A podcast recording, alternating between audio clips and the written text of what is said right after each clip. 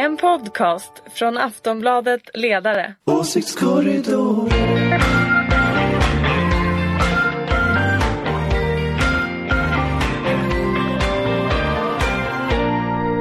Hej och välkomna till Åsiktskorridoren, en podd från Aftonbladets ledarredaktion. Det är förmiddag den 8 februari när vi spelar in det här och med oss idag har vi Ulrika Schenström. Välkommen Hej hej! Och vi har Karin Pettersson Hej hej! och vi har Anders Lindberg. Hej. Karin och Anders jobbar på Aftonbladets ledarredaktion. Ulrika är moderat. Jag heter Anna Andersson. Jag jobbar på Aftonbladet men inte på ledarredaktionen vill jag alltid poängtera. Eh, den här veckan så har vi bestämt oss för att prata om Varför vill du alltid småpartierna. kommentera? Varför vill du alltid poängtera det? För att jag vill Jag inte förstår få, henne Jag vill inte behöva stå lite- för vad du hittar på Anders. det Det, får du faktiskt du Klokt, hantera har jag själv. Jag tror det är bra att ta den där liksom att man ändå har liksom Ja, avstånd. Faktiskt, faktiskt. Jag är en simpel kultur och nöjesredaktör helt utan politiska åsikter. Eh, jo, vi tänkte prata den här veckan om småpartierna i riksdagen som har problem. De är Kul. så många och de har så stora problem Ja. och det händer Det är ingenting. väldigt sorgligt. Det är Det för är många, väldigt- problemet ja, är att det är för många partier i riksdagen. Eh, Okej, det var vi igenom förra Det veckan. var, Ja, vi- då, då, där Eller för två veckor sedan när Anders föreslog en fempartigräns, Ja. spärr på fem Det var partier. mycket bra förslag bra. faktiskt. Mm. många Det som blev åker också ut en då. klicksuccé på nätet just detta förslag kan jag säga. Ja, jo men det, det har ju sina, sin lockelse, det kan man förstå. Men vi ska börja med att prata om Liberalerna. Ett litet De, parti. ett litet parti som har problem. Jag kan säga att Och blir mindre. Inition som Aftonbladet publicerade i veckan, jag tror det var i förrgår. Så han landar de på precis 4% Och då var det ändå ett lyft från januarimätningen när de låg på 3,4. De har problem. Eh, och igår så skrev Aftonbladet igen om den här pågående, den bara maler på, den här konflikten de har nere i Bryssel. Eh, angående, det började med att Marit Paulsen slutade som parlamentariker. Eh, Jasenko Selimovic tog över och kom i bråk med hennes stab. Och det har varit anklagelser åt båda håll ska vi säga. Eh, och det här har liksom bara pågått sedan 2015. Och igår så gav sig självaste Marit Paulsen in i striden. Och sa att ledningen har skött det här illa. Eh, och nu ligger det i partiets etiska råd. Vad händer i Liberalerna egentligen? Vad, Ulrika, ska du börja? Det är ju en väldigt bra fråga naturligtvis men jag tror ju inte att det där partiet kan eh, fortsätta med den här ledningen om jag ska vara riktigt ärlig. Därför att ni vet alla hur eh, Liberalerna eller folkpartister är. Eller hur? Hur man, kan, man, kan, man kan aldrig lita på dem. det? Nej men alltså man kan aldrig lita på dem riktigt. Eller som vi brukar säga, de är lite finare och lite bättre än oss andra. Mm. Och då tror inte jag man kan ha en batong-Janne som eh, partiledare. Utan Men de behöver någon mer, eh, ja jo jag vet. Och han, och han beter sig ungefär som han gjorde i Stadshuset och det var ju ganska framgångsrikt en gång i tiden. Att han tog för sig Stockholms stadshus. Stockholms stadshus, förlåt ja. Eh, Men jag tror ju egentligen att de kommer att behöva en partiledare som kanske är lite finare, lite bättre, lite mer disputerad, eh, Ja, men jag tror, lite mer en akademisk, Olin. en Olin eller en, eh, ja. Dibble. Birgitta Olsson kanske? Lite så. Jag tycker ju väldigt mycket om Birgitta Olsson där. om jag Ja, ska men vara riktigt att du- ärlig. Men jag tror att hon är en eh, en sån här vattendelare. Antingen så älskar man henne eller också hatar man henne. Hon, hon, liksom, hon, hon skapar tror jag problem även om jag, jag personligen tycker väldigt bra om henne.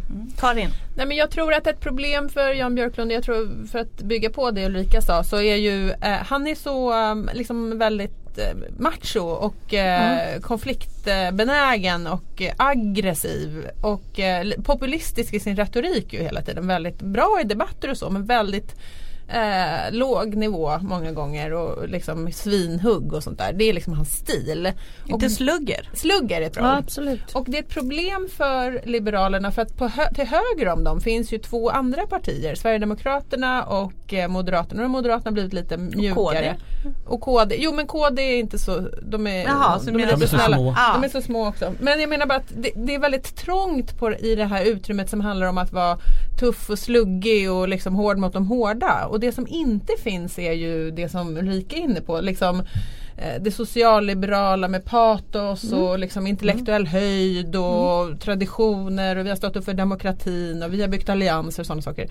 Och det kan ju inte Jan Björklund bära. Och han, det var ju ett tag han försökte nu i, i vintras eller höstas eller när det var när han var så här, eh, skulle prata om att han, hur mycket han ogillade Sverigedemokraterna att han skulle liksom gå åt det här mittenhållet som Annie Lööf ehm, ockuperar annars i värderingsfrågor. Mm. Men han klarade att hålla det i ungefär 10 minuter och sen är han liksom tillbaka och ska hugga LO i ryggen och det är liksom det han brinner för. Och det, jag tror inte alls Det är inte att särskilt det är mycket folk. Det är inte, det är inte Vem särskilt om mycket det? Liberalerna så att säga. Nej och också det, det är bara han som är så arg på det. Det Men, finns men det är liksom också, inget tryck i den jag frågan. tycker också att han, han håller på att bli allt mer liksom ett nättroll om man tittar på honom på, på Twitter och sådär. Mm. Alltså han sprider så här konspirationsteorier när det här Anders Brännström, när generalen slutade så sa han det här är en politisk komplott. Så gick han ut stenhårt. Helt utan belägg liksom. Och så, och Alltså, så, orkestrerat från UD antydde han väl? Jo men han, han, det var orkestrerat från Margot Wallström var väl liksom själva grundhistorien verkade det som. Och han bara hitta på saker när han liksom fortsätter att köra. Och det där, det här nättrollandet det tror jag liksom, det, det, det lirar med någon slags allmän höger just nu. Att liksom högerpopulism. Men Det är inget eget utrymme. nej och frågan är ju som, det är ju jättelite folkpartistiskt. Alltså som, Men- som, som utrymme. Exakt. Men partiet verkar ju inte alls dela er analys om att ledningen är ett problem. Alltså Björklund har suttit länge. De hade ju Olsson. Men, nästan, men, nästan alla folk, alltså liberaler, Liberaler. jag känner eh, jag tror de är rätt bekymrade om jag ska Men det blev ju ärlig. ingenting av Olssons utmaning. Alltså det, det blev ju liksom- Nej men det är ju för att jag tror hon är verkligen en vattendelare så att jag tror inte det blev rätt. Men om man tittar framåt så tror ju jag att eh, vad heter det eh, Bryssel, varför tappar jag Cecilia henne? Wikström. Wikström. Ja. Jag, jag tror att hon skulle kunna En sån vara person. en Ja, sån typ av person skulle liksom Så det är som funka. personerna, nu händer grejer här. Eh, person, ni, ni tror att det liksom, personen finns i partiet? Ja men det kan, det kan vara Cecilia som är svaret. Jag vet inte riktigt men Mm. jag tror att det måste till någon som faktiskt tar, tar upp det gamla liberala Mm. socialliberala spåret. Också Och då Cecilia på ett Wikström- väldigt Backade väl upp Birgitta Olsson i, i, när Olsson ändå Absolut. proklamerade sin kandidatur. Men det finns ju fler Cecilior, är det inte Cecilia, Cecilia Malmström, också. som liksom EU-kommissionären. Det är Malmström jag tänker Ja på. Alltså, precis, förlåt! jag tänkte det. Alltså, Jag tappade liksom bara helt Jag plötsligt säga, hennes alltså, namn. Jag måste Cecilia ha blivit lite Malmström- gammal här Cecilia på Malmström är sen- senaste veckan. EU-kommissionär och Ja. Cecilia Precis. Wikström är EU-parlamentariker. Ja, det tror jag- Malmström är jag tror också inte på Wikström, men vilket ju Malmström faktiskt tror jag. är väldigt stor Åh tillgång. nej nu kommer det men där det finns också. liksom inga göteborgare i politiken och eh, det, är lite, jag tror faktiskt att det där Ja, med att det inte där vara har från Stockholm- ingenting med någonting Jo. att göra. Allvarligt talat, nu är du jättetöntig. Nej men jag tror att det finns en Åh. grej, jag tror att det finns en grej, ett problem med stockholmare. Har du hört att Eh, hans göteborgska blir liksom bredare och bredare ju längre Ja, han pratar om det? jag tror på riktigt att det är det. Och ska liberalerna, liber, Göteborgsliberalismen är en annan Ja, tradition absolut. än det här liksom batong, eh, batongeriet som de håller på med i Stockholm. Så, att- så att det finns tror jag ändå ute i landet ett, ett ska säga, det finns ett sug efter någon slags socialliberal tradition. Ni håller ju helt med varandra, det är så larvigt att ni ska låtsas att vara oense. Ja, men han börjar ta upp samma saker. Göteborg. Ja men. Göteborg är inte, centrum-periferi är inte helt oviktigt faktiskt och jag tror att det kommer att bli viktigare det här valet. Och liksom det är för många stockholmare som det är. Tror vi då att det kommer bli Malmström? Jag vet inte vad som händer om, om, om de åker ur riksdagen så vill hon väl inte det. Eh, om de är kvar i riksdagen så kommer väl han eh, Björklund aldrig att flytta på sig va? Jag tror att de kommer att få lov att bära ut honom ändå. Ja men hur Men bär vad man fan ut om, man, någon? om, de förlor, om de får liksom 4,4 procent Mm, då måste han ju då gå. måste han ju gå. Men finns de här väljarna, de här socialliberala väljarna, eh, finns de? Är Ja de så absolut, det är de här många? lite finare, lite bättre människorna runt omkring Mm. det som alltid är lite bättre än du själv. De är- Lärare och elevrådsordföranden. Ja, elevrådsordföranden blir ju ofta moderater då. om jag ska vara riktigt ärlig. Men det är de här fina. De är ju väldigt, ja det är lite mer Söker där. Makt, säga. Makt, makt, makt, Maktorienterade makt, makt, makt typer. där va. ja. Det är lite mer, de är ju en blandning också av de här frisinnade och, och, och, och, och väldigt mycket akademiker. Så att, ehm, Men man får ju beundra Björklunds, eh, vad ska jag säga, att han håller ut. Förmå- ja, men dels att han håller ut men dels också greppet han verkar ha över det här långsamt döende partiet. Där han, ja Birgit Olsson utmanade honom då men det liksom bara försvann åt sidan och nu trots att opinionssiffrorna bara sjunker och sjunker och sjunker i alla andra partier hade det ju blivit ja, eh, ett uppror, ett eller annat uppror och vi måste liksom lägga om strategin och vi måste byta men nej det är helt tyst. Alla Så- verkar, men handlar jätte, ingen- alla verkar glatt gå i graven. Men för, vad, vad kan de göra politiskt? Alltså, sakfråga, vad tror ni på? Alltså är det släppa batongen och Skolan tror jag på. Alltså Skolan. skolan är fortfarande Med en en fråga. annan företrädare. Ja och kanske en annan företrädare men, men alltså Folkpartiet är ju i grunden ett, ett parti av folkskollärare. Och det, den känslan tror jag många har liksom kvar att även om de har sumpat skolan som de gjorde under förra mandatperioden så är det lika fullt så att man har förtroende för dem i skolpolitik. Så skulle de, Men de är också väldigt mycket sådär världssamvete om jag ska vara riktigt ärlig. Det är mycket biståndspolitik, det, är- det är Ja, mycket men sånt det, det, också. det, det vill ju alla kriga om. Alltså skolan, just nu så, när alla pratar om batonger det, det känns lite som den här gamla valaffischen när liksom eh, sossarna slår med socialism och moderaterna slår med konservatism och så sticker liksom eh, Bengt Westerberg upp och så har eget rum i långvården. Alltså det finns en möjlighet för någon som kliver upp och säger liksom Titta, hallå, en social fråga. Just nu är det LSS som borgarna verkar ha huggit in, flera partier hugger in på. Men det är klart att skolfrågan, någon mer liksom Ja. intelligent skolpolitik än vi tar deras mobiltelefoner, vilket det är jättebra att ta Ja, men det mobiltelefoner. är väldigt konstigt att det är de som tar den där att man ska ta ifrån barnen sina mobiltelefoner och inte ha keps på lektioner. Och, alltså det är ju jättekonstigt att det är folk, Sen- förlåt, sen- liberalerna som, som håller på De med det. Sen tror jag namn. faktiskt också att det finns ett stort Nej, utrymme de borde inte ha bytt namn. Nej det var oförskämt. Ja. jag, jag tror att det finns ett stort utrymme till höger när det gäller alltså, att ta ansvar för demokratin. Om vi nu firar eh, demokratin firar 100 år i Sverige det här året. Om man tittar på ehm, historiskt också när liberaler har sagt att nej, men vi vi står upp för folkstyre, vi samarbetar med, med Socialdemokraterna i grundläggande värdefrågor. Den liksom frågan kopplad till regeringsfrågan där man säger nej, vi tänker faktiskt, eh, vi tänker inte låsa fast oss vid, en, vid alliansen. Nu talar jag då i egen sak, kommer många att tycka. Men jag tror att det finns ett utrymme för en pragmatism i de frågorna när man ser hotet från Sverigedemokraterna, när man ser hotet från liksom högerpopulism och extremism och sådana eh, och såna rörelser för någon som säger jag tänker inte låsa fast mig, jag tänker vara öppen för samarbete för det som är bäst för Sverige i de här väldigt grundläggande frågorna. Det tror jag man skulle kunna vinna respekt med för det gör ingen idag från, från Det den är sidan. öppet Det är sant. fält där. Jag håller helt med faktiskt. Eh, Men eh, vi går vidare, det är inte det enda partiet som är låga siffror. Eh, I helgen har Vänsterpartiet kongress. Och de går in med, i den med ett avhopp från högsta toppen. Rosanna Dinamarca meddelade i söndags att hon inte kandiderar nästa val. Hon grät till och med i TV. Jag såg henne. Det missade jag. Jo. Mm. Ja, nej men och samtidigt så, så gick hon ut i Svenska Dagbladet i en artikel och gav hård kritik till partiledningen. Hon sa att det inte hade samband men det är ju svårt att liksom inte koppla ihop. Hon anklagade partiledningen för toppstyrning och vi ska också säga att hon har ju själv suttit i partiledningen och har ju faktiskt haft ganska centrala roller i Hon tog partiet. vice partiordförande. Eller jag kanske hon inte svara var. på. Ja, hon var Ja. någonting i alla fall. Eh, Talesperson i feministiska frågor som är partiets Hur, profilfråga. och då ska vi också, jag tittar lite på Inition här. Eh, de föll nu i februari till 6,8 procent. Det är inte mycket för ett parti. Det borde finnas utrymme för massa vänster, eh, alltså folk som är sura på sossarna från vänster. Var, vad är Vänsterpartiets problem? Varför Alltså det, går det är lite dåligt? intressant det här. Jag, jag ska på den där kongressen i helgen. Eh, den är i, i, eh, i Karlstad. Men, men och det, det intressanta tycker jag, för nu har de haft det här med Rosanna Dinamarca som hoppade av. De hade det här debaclet med Oly där det blev ju väldigt, väldigt rörigt. Det är väldigt svårt att räkna ut vad som hände men En metoo-härva. det var en metoo-härva kopplat till Oly där, som slutade med att partiledningen fick fruktansvärt mycket kritik internt för att det, det var toppstyre och så vidare. De fick kritik internt eh, för den här Amin Kakabaveh historien när de försökte peta henne via liksom ombud och att Stockholm, Stockholm skulle peta henne från listorna och sen så gjorde Stockholm inte det. Så det slutade med att hon är kvar men de också anklagade för toppstyre. Så att, eh, som, Ja, hon skulle inte ens åka på kongressen såg jag. För, för Nej, att, så, så att de här tre historierna som Amineh Kakabaveh, Lars Ohly och nu Rosanna Dinamarca det är ju en enorm kris för ett parti att, att så, så profilerade Det är väldigt företrädare förvånande liksom. också för att jag har ändå försökt borra lite i det där partiet och jag har ju väldigt stor respekt för Aron Etzler som Mm. är partisekreterare.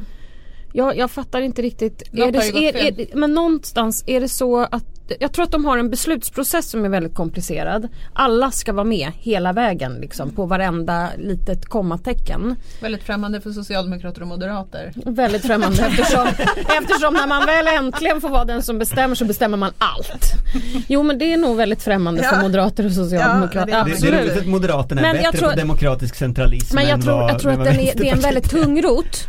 Jag tror att det är väldigt tungrot och det möjligen kan vara så att den här ledningen håller på att förändra saker. Och då brukar det ju bli vad så skulle det kunna här. vara för saker tror du? Förenkla kanske. Meet 2024's most anticipated robot vacuum, Eufy X10 Pro Omni. With powerful 8000 PA suction and MopMaster's dual mop pads, it keeps your floor sparkling clean. It's the winner of five Best of CES awards, and Digital Trends says it boasts almost all the same features as robot vacuums that cost twice as much. Want to know more? Go to eufy.com, that's E EUFY.com, and discover X10 Pro Omni, the best in class all in one robot vacuum for only $799. Förenkla Eh. alltså beslutsprocesserna. Att det blir liksom inte så tungrot Ah. och det tar tusen år varje gång någonting ska göras och varje gång någon ska säga någonting. Men jag har inte sett eh, Aron Etzler överhuvudtaget Nej, kommentera jag. någonting någon gång. Och Var är han? Och det är verkligen en partisekreterares frågor allt detta. Absolut, så Fast, jag fast de förstår har inte. en vice Jo, partisekreterare exakt. som Jo, dyker men- upp och får ta all Men smuts, seriously, liksom. varför? Alla dåliga Någonstans. opinionsmätningar, alla som hoppar av Jag får ju hon efterlyste ta. Aron Essle här förut, att vi inte har sett honom. Fast jag undrar sig. Jag, jag, har, jag har en annan spaning om Vänsterpartiet och det är att alltså, Lars Ohly, liksom den typen av ledarskap han hade, den var ju också ganska auktoritärt. Eh, så att jag menar det är inte första gången som du har liksom en tydlig ledare som bestämmer. Vad som jag undrar med Jonas eh, alltså Sjöstedt, alltså den traditionen att han har varit en frifräsare fram till den gången han klev in som partiledare. Och på ett sätt så kan man säga att han fortsätter vara en frifräsare. Och, och han har liksom en fråga, han har liksom ett väldigt tydligt fokus. Han är en maskin i debatterna som är jag väldigt tycker duktig. ändå att det är Och det väldigt kanske inte, men det kanske är så att den typen av ledarskap inte Alltså den funkar så länge det går bra. För då har du förtroende för ledningen. Men när det börjar hacka, vilket det ju gör och det är ju jättekonstigt med tanke på att sossarna inte är särskilt vänster just nu. Så det finns ju ett utrymme. Och när man inte lyckas utnyttja det utrymmet då kommer naturligtvis kritik mot den typen av frifräsarledarskap. Eh, och det undrar jag är ändå väldigt liksom förvånad över hantera. att eh, den här partisekreteraren som jag har stor respekt för ändå Alltså han det är ju en intellektuell människa att han inte tar debatten. Han tar inte någonting, eller hur? Mm. Det tycker jag ändå är lite märkligt. Om ni tittar på alla andra partisekreterare så och även om man utser liksom en vice som tar skiten, ni vet. Det, det är väl inte så dumt om man ska vara riktigt Sånt har ju ärlig. hänt förr. Sånt har ju som sagt hänt förr. Eh, men ändå att man aldrig ser honom i debatten. Han var Jag ju har verkligen väldigt... också tänkt på det. det är, jag vet inte vad det, vad det är tecken på. Ett tecken på att han är hårt liksom, utsatt för kritik. Och jag menar, han måste ju vara en nyckelfigur när det gäller hela den här Exakt. diskussionen om cen- central, centralisering och eh, toppstyr och vad det nu är.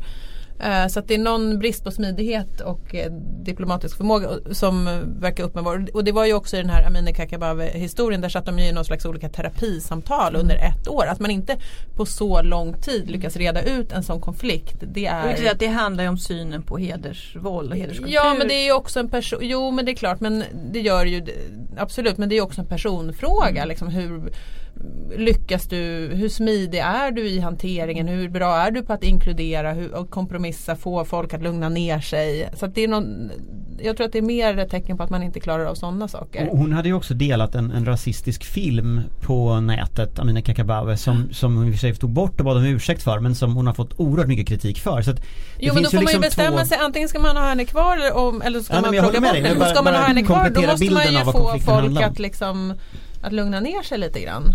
Och det har ju inte gått då.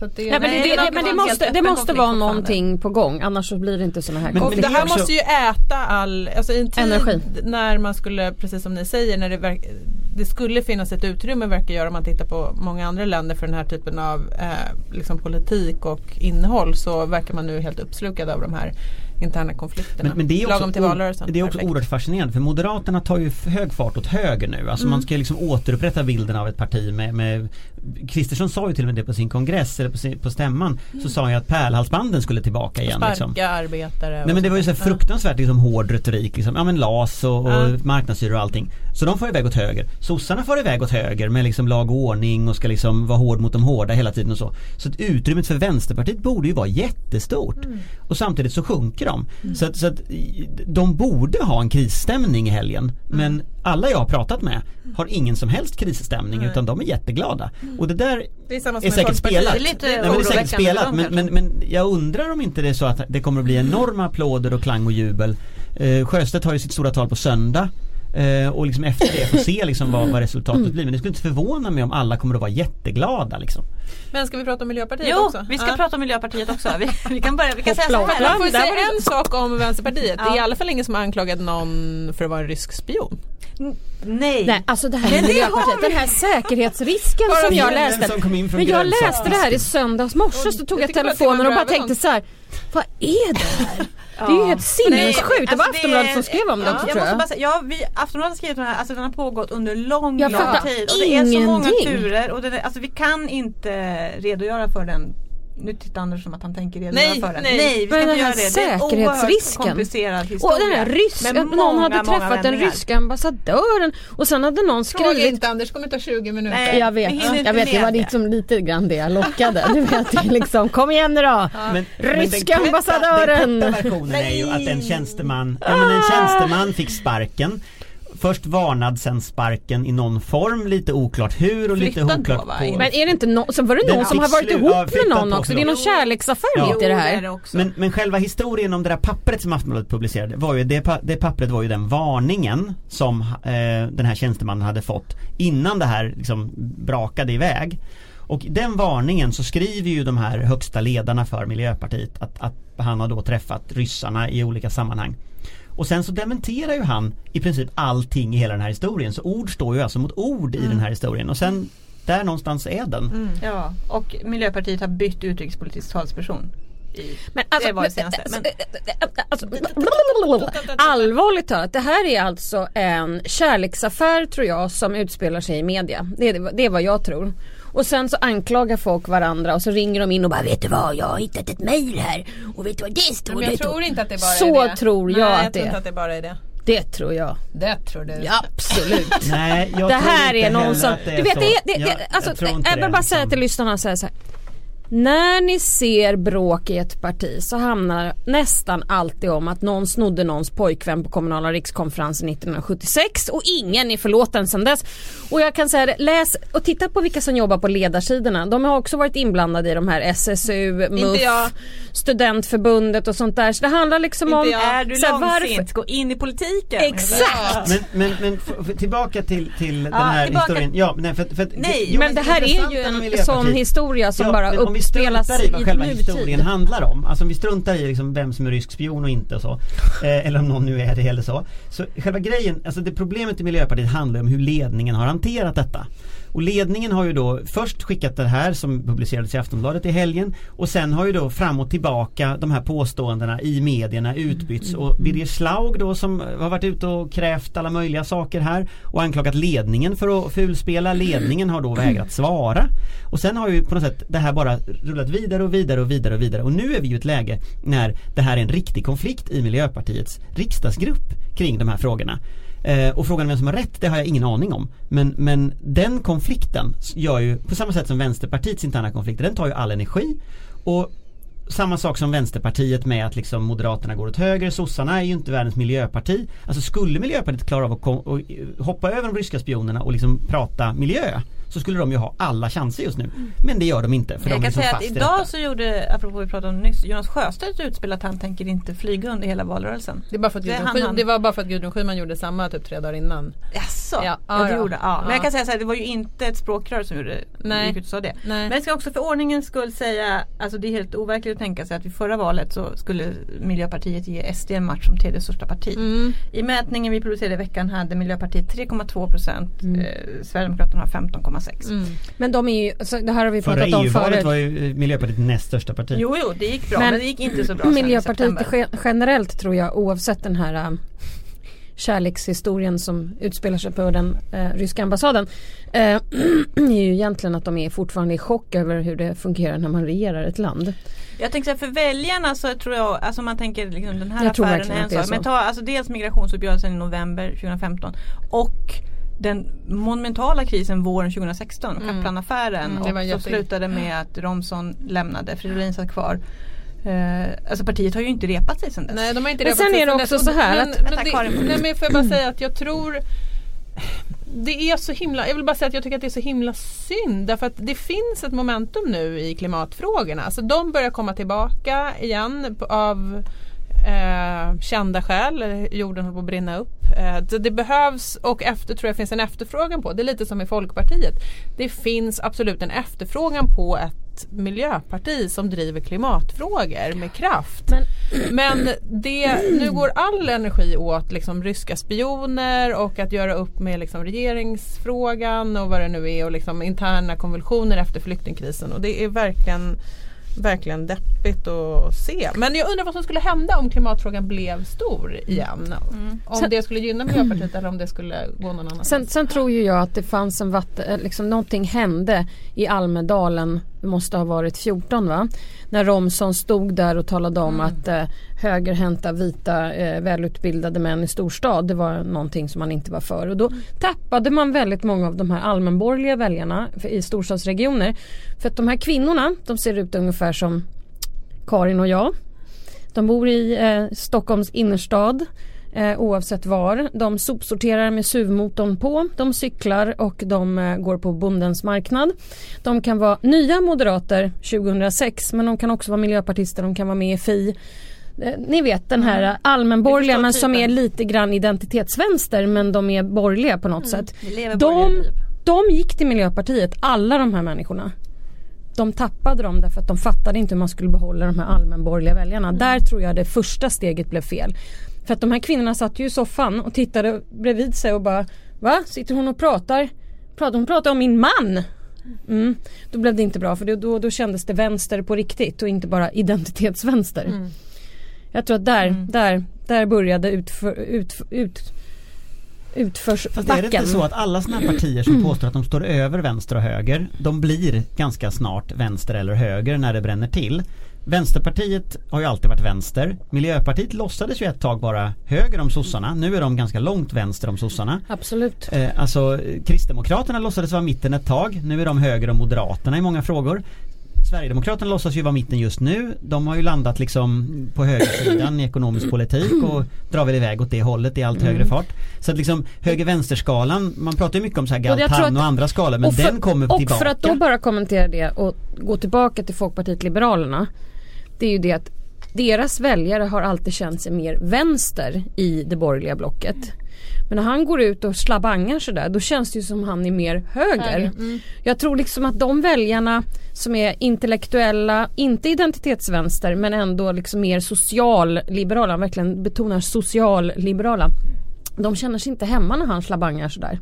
Men jag tycker det var intressant eh, apropå Miljöpartiet med Alice Bah Kuhnke som ju blev intervjuad för några, ett par veckor sedan och sa att hon ville kandidera som språkrör när Isabella Lövin slutar. Hon har ju också varit ute och pratat om att hon eh, tycker att, vill vara öppen för att eh, regera, sätta sin regering med Moderaterna. Så man, där finns det en rörelse eh, liksom att komma tillbaka till den positionen man hade då innan eh, innan man satte sig i regeringen. Mm. Jag tror att det är en klok strategi från Miljöpartiet. Eh, jag vet inte om de de har öppen till både höger och Ja, vänster. jag tror att man, det skulle vara svårt för dem att regera till höger men jag tror att de, de, de tjänar på lite utifrån det Ulrika pratar om. Att liksom- Signalera liksom. Ja, signalera att vi, Men om man- om man- vi tycker att de här frågorna, men då måste man också kombinera det med att vara väldigt, väldigt eh, ideologisk i de här klimatfrågorna, verkligen liksom fokusera på dem. Hur stort problem, vi pratat om eh, Liberalerna och Vänsterpartiet och deras ledare. Hur stort pro- eh, problem med ledningen i Miljöpartiet? Är det ett problem? Levin, Fridolin. Fridolin har en tung Fridolin, Fridolin är ju ett, jätteproblem tror jag för, för jag Miljöpartiet. Borde han ha gått Jag tror att han var liksom en ung Jesus eh, person. Mm. Alltså sådär eh, verkligen lovordad och eh, ungt geni som helt plötsligt träffade på verkligheten och då bara störtdök han på något sätt. Fast underskatta inte honom. Alltså han, Det gör jag han, inte. eh, Han är, nej men han, Absolut han, han är, inte. Han, jag skulle säga att är en av de få vänster, vä- förlåt mig, vänsterpartister, en av de få liksom miljöpartister som, som jag, som man träffar liksom som jag tycker ändå har liksom en analys som sträcker sig så att säga, några mandatperioder bort. Alltså, alltså hans idé har ju hela tiden varit att Miljöpartiet ska bli på något sätt det näst största partiet. Ska liksom det bli det, sto- det stora som samlings rödgröna partiet så va? Och den strategin funkar ju inte eftersom han satte sig på skolministerposten.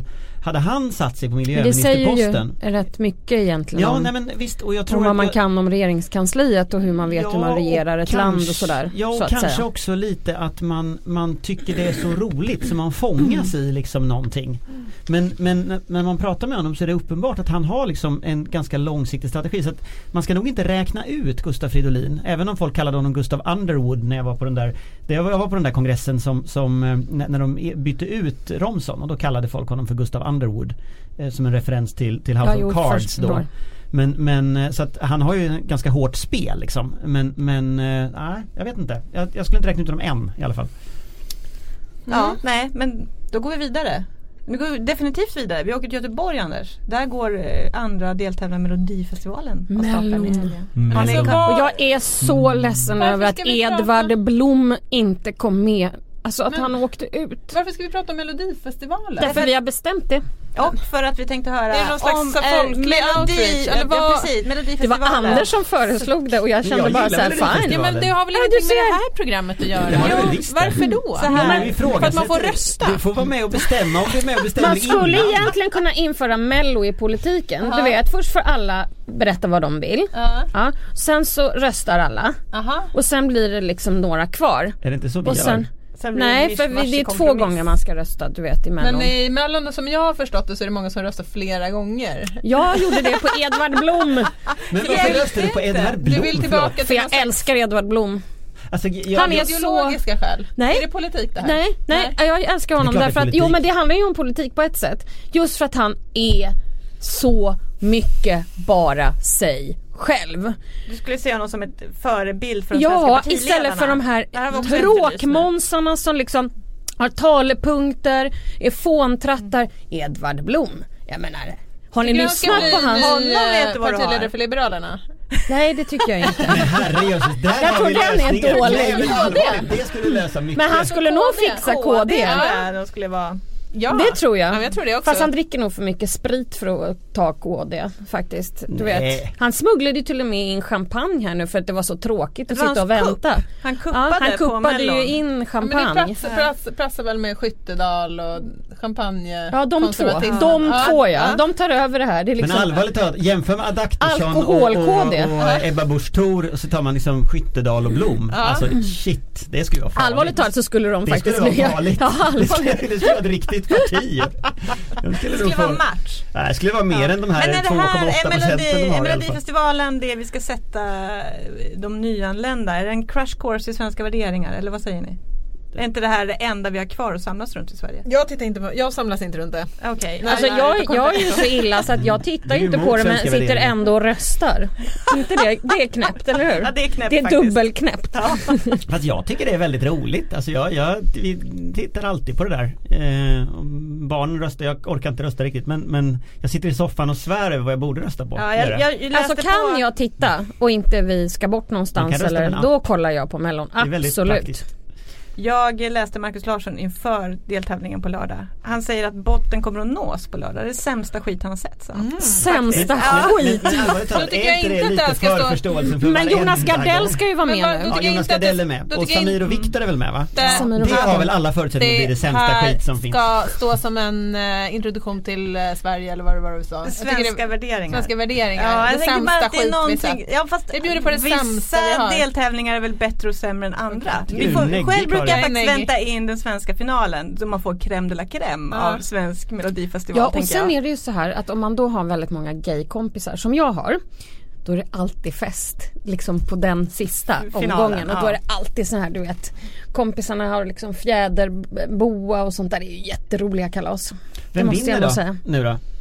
Det kommer Bergis bli Jonas Gardell. Alltså Jonas Gardell borde ju vinna. Han har tydligen en riktigt fet klassisk slager eller så här äh, schlagerballad. Det kul. Det, Ja. tycker jag är lite modigt. Ja och sen gillar jag ju för jag, jag, jag vill bara säga det här att jag gillar faktiskt Edvard Bloms låt också. Han kommer ju, den kommer alla dansa Jag till tycker sen. att det här är ett så populistiskt och konstigt ämne att ha med i den här Åh podden. gud vad vi är motsträviga. Det är nog helt jag fantastiskt. Tråkmåns! Tråkmåns! Nu är det tråkig. Nu är Karin Pettersson på väg att lämna rummet. På grund av Mellon, då är det illa. Tack och hej för den här, veck- för den här Trev- gången. Ja, Trevlig helg. Jag Trevlig helg. Ulrika Schenström, Karin Pettersson, Anders Lindberg. Jag heter Anna Andersson. Vi ses. Hej då! Hej hej.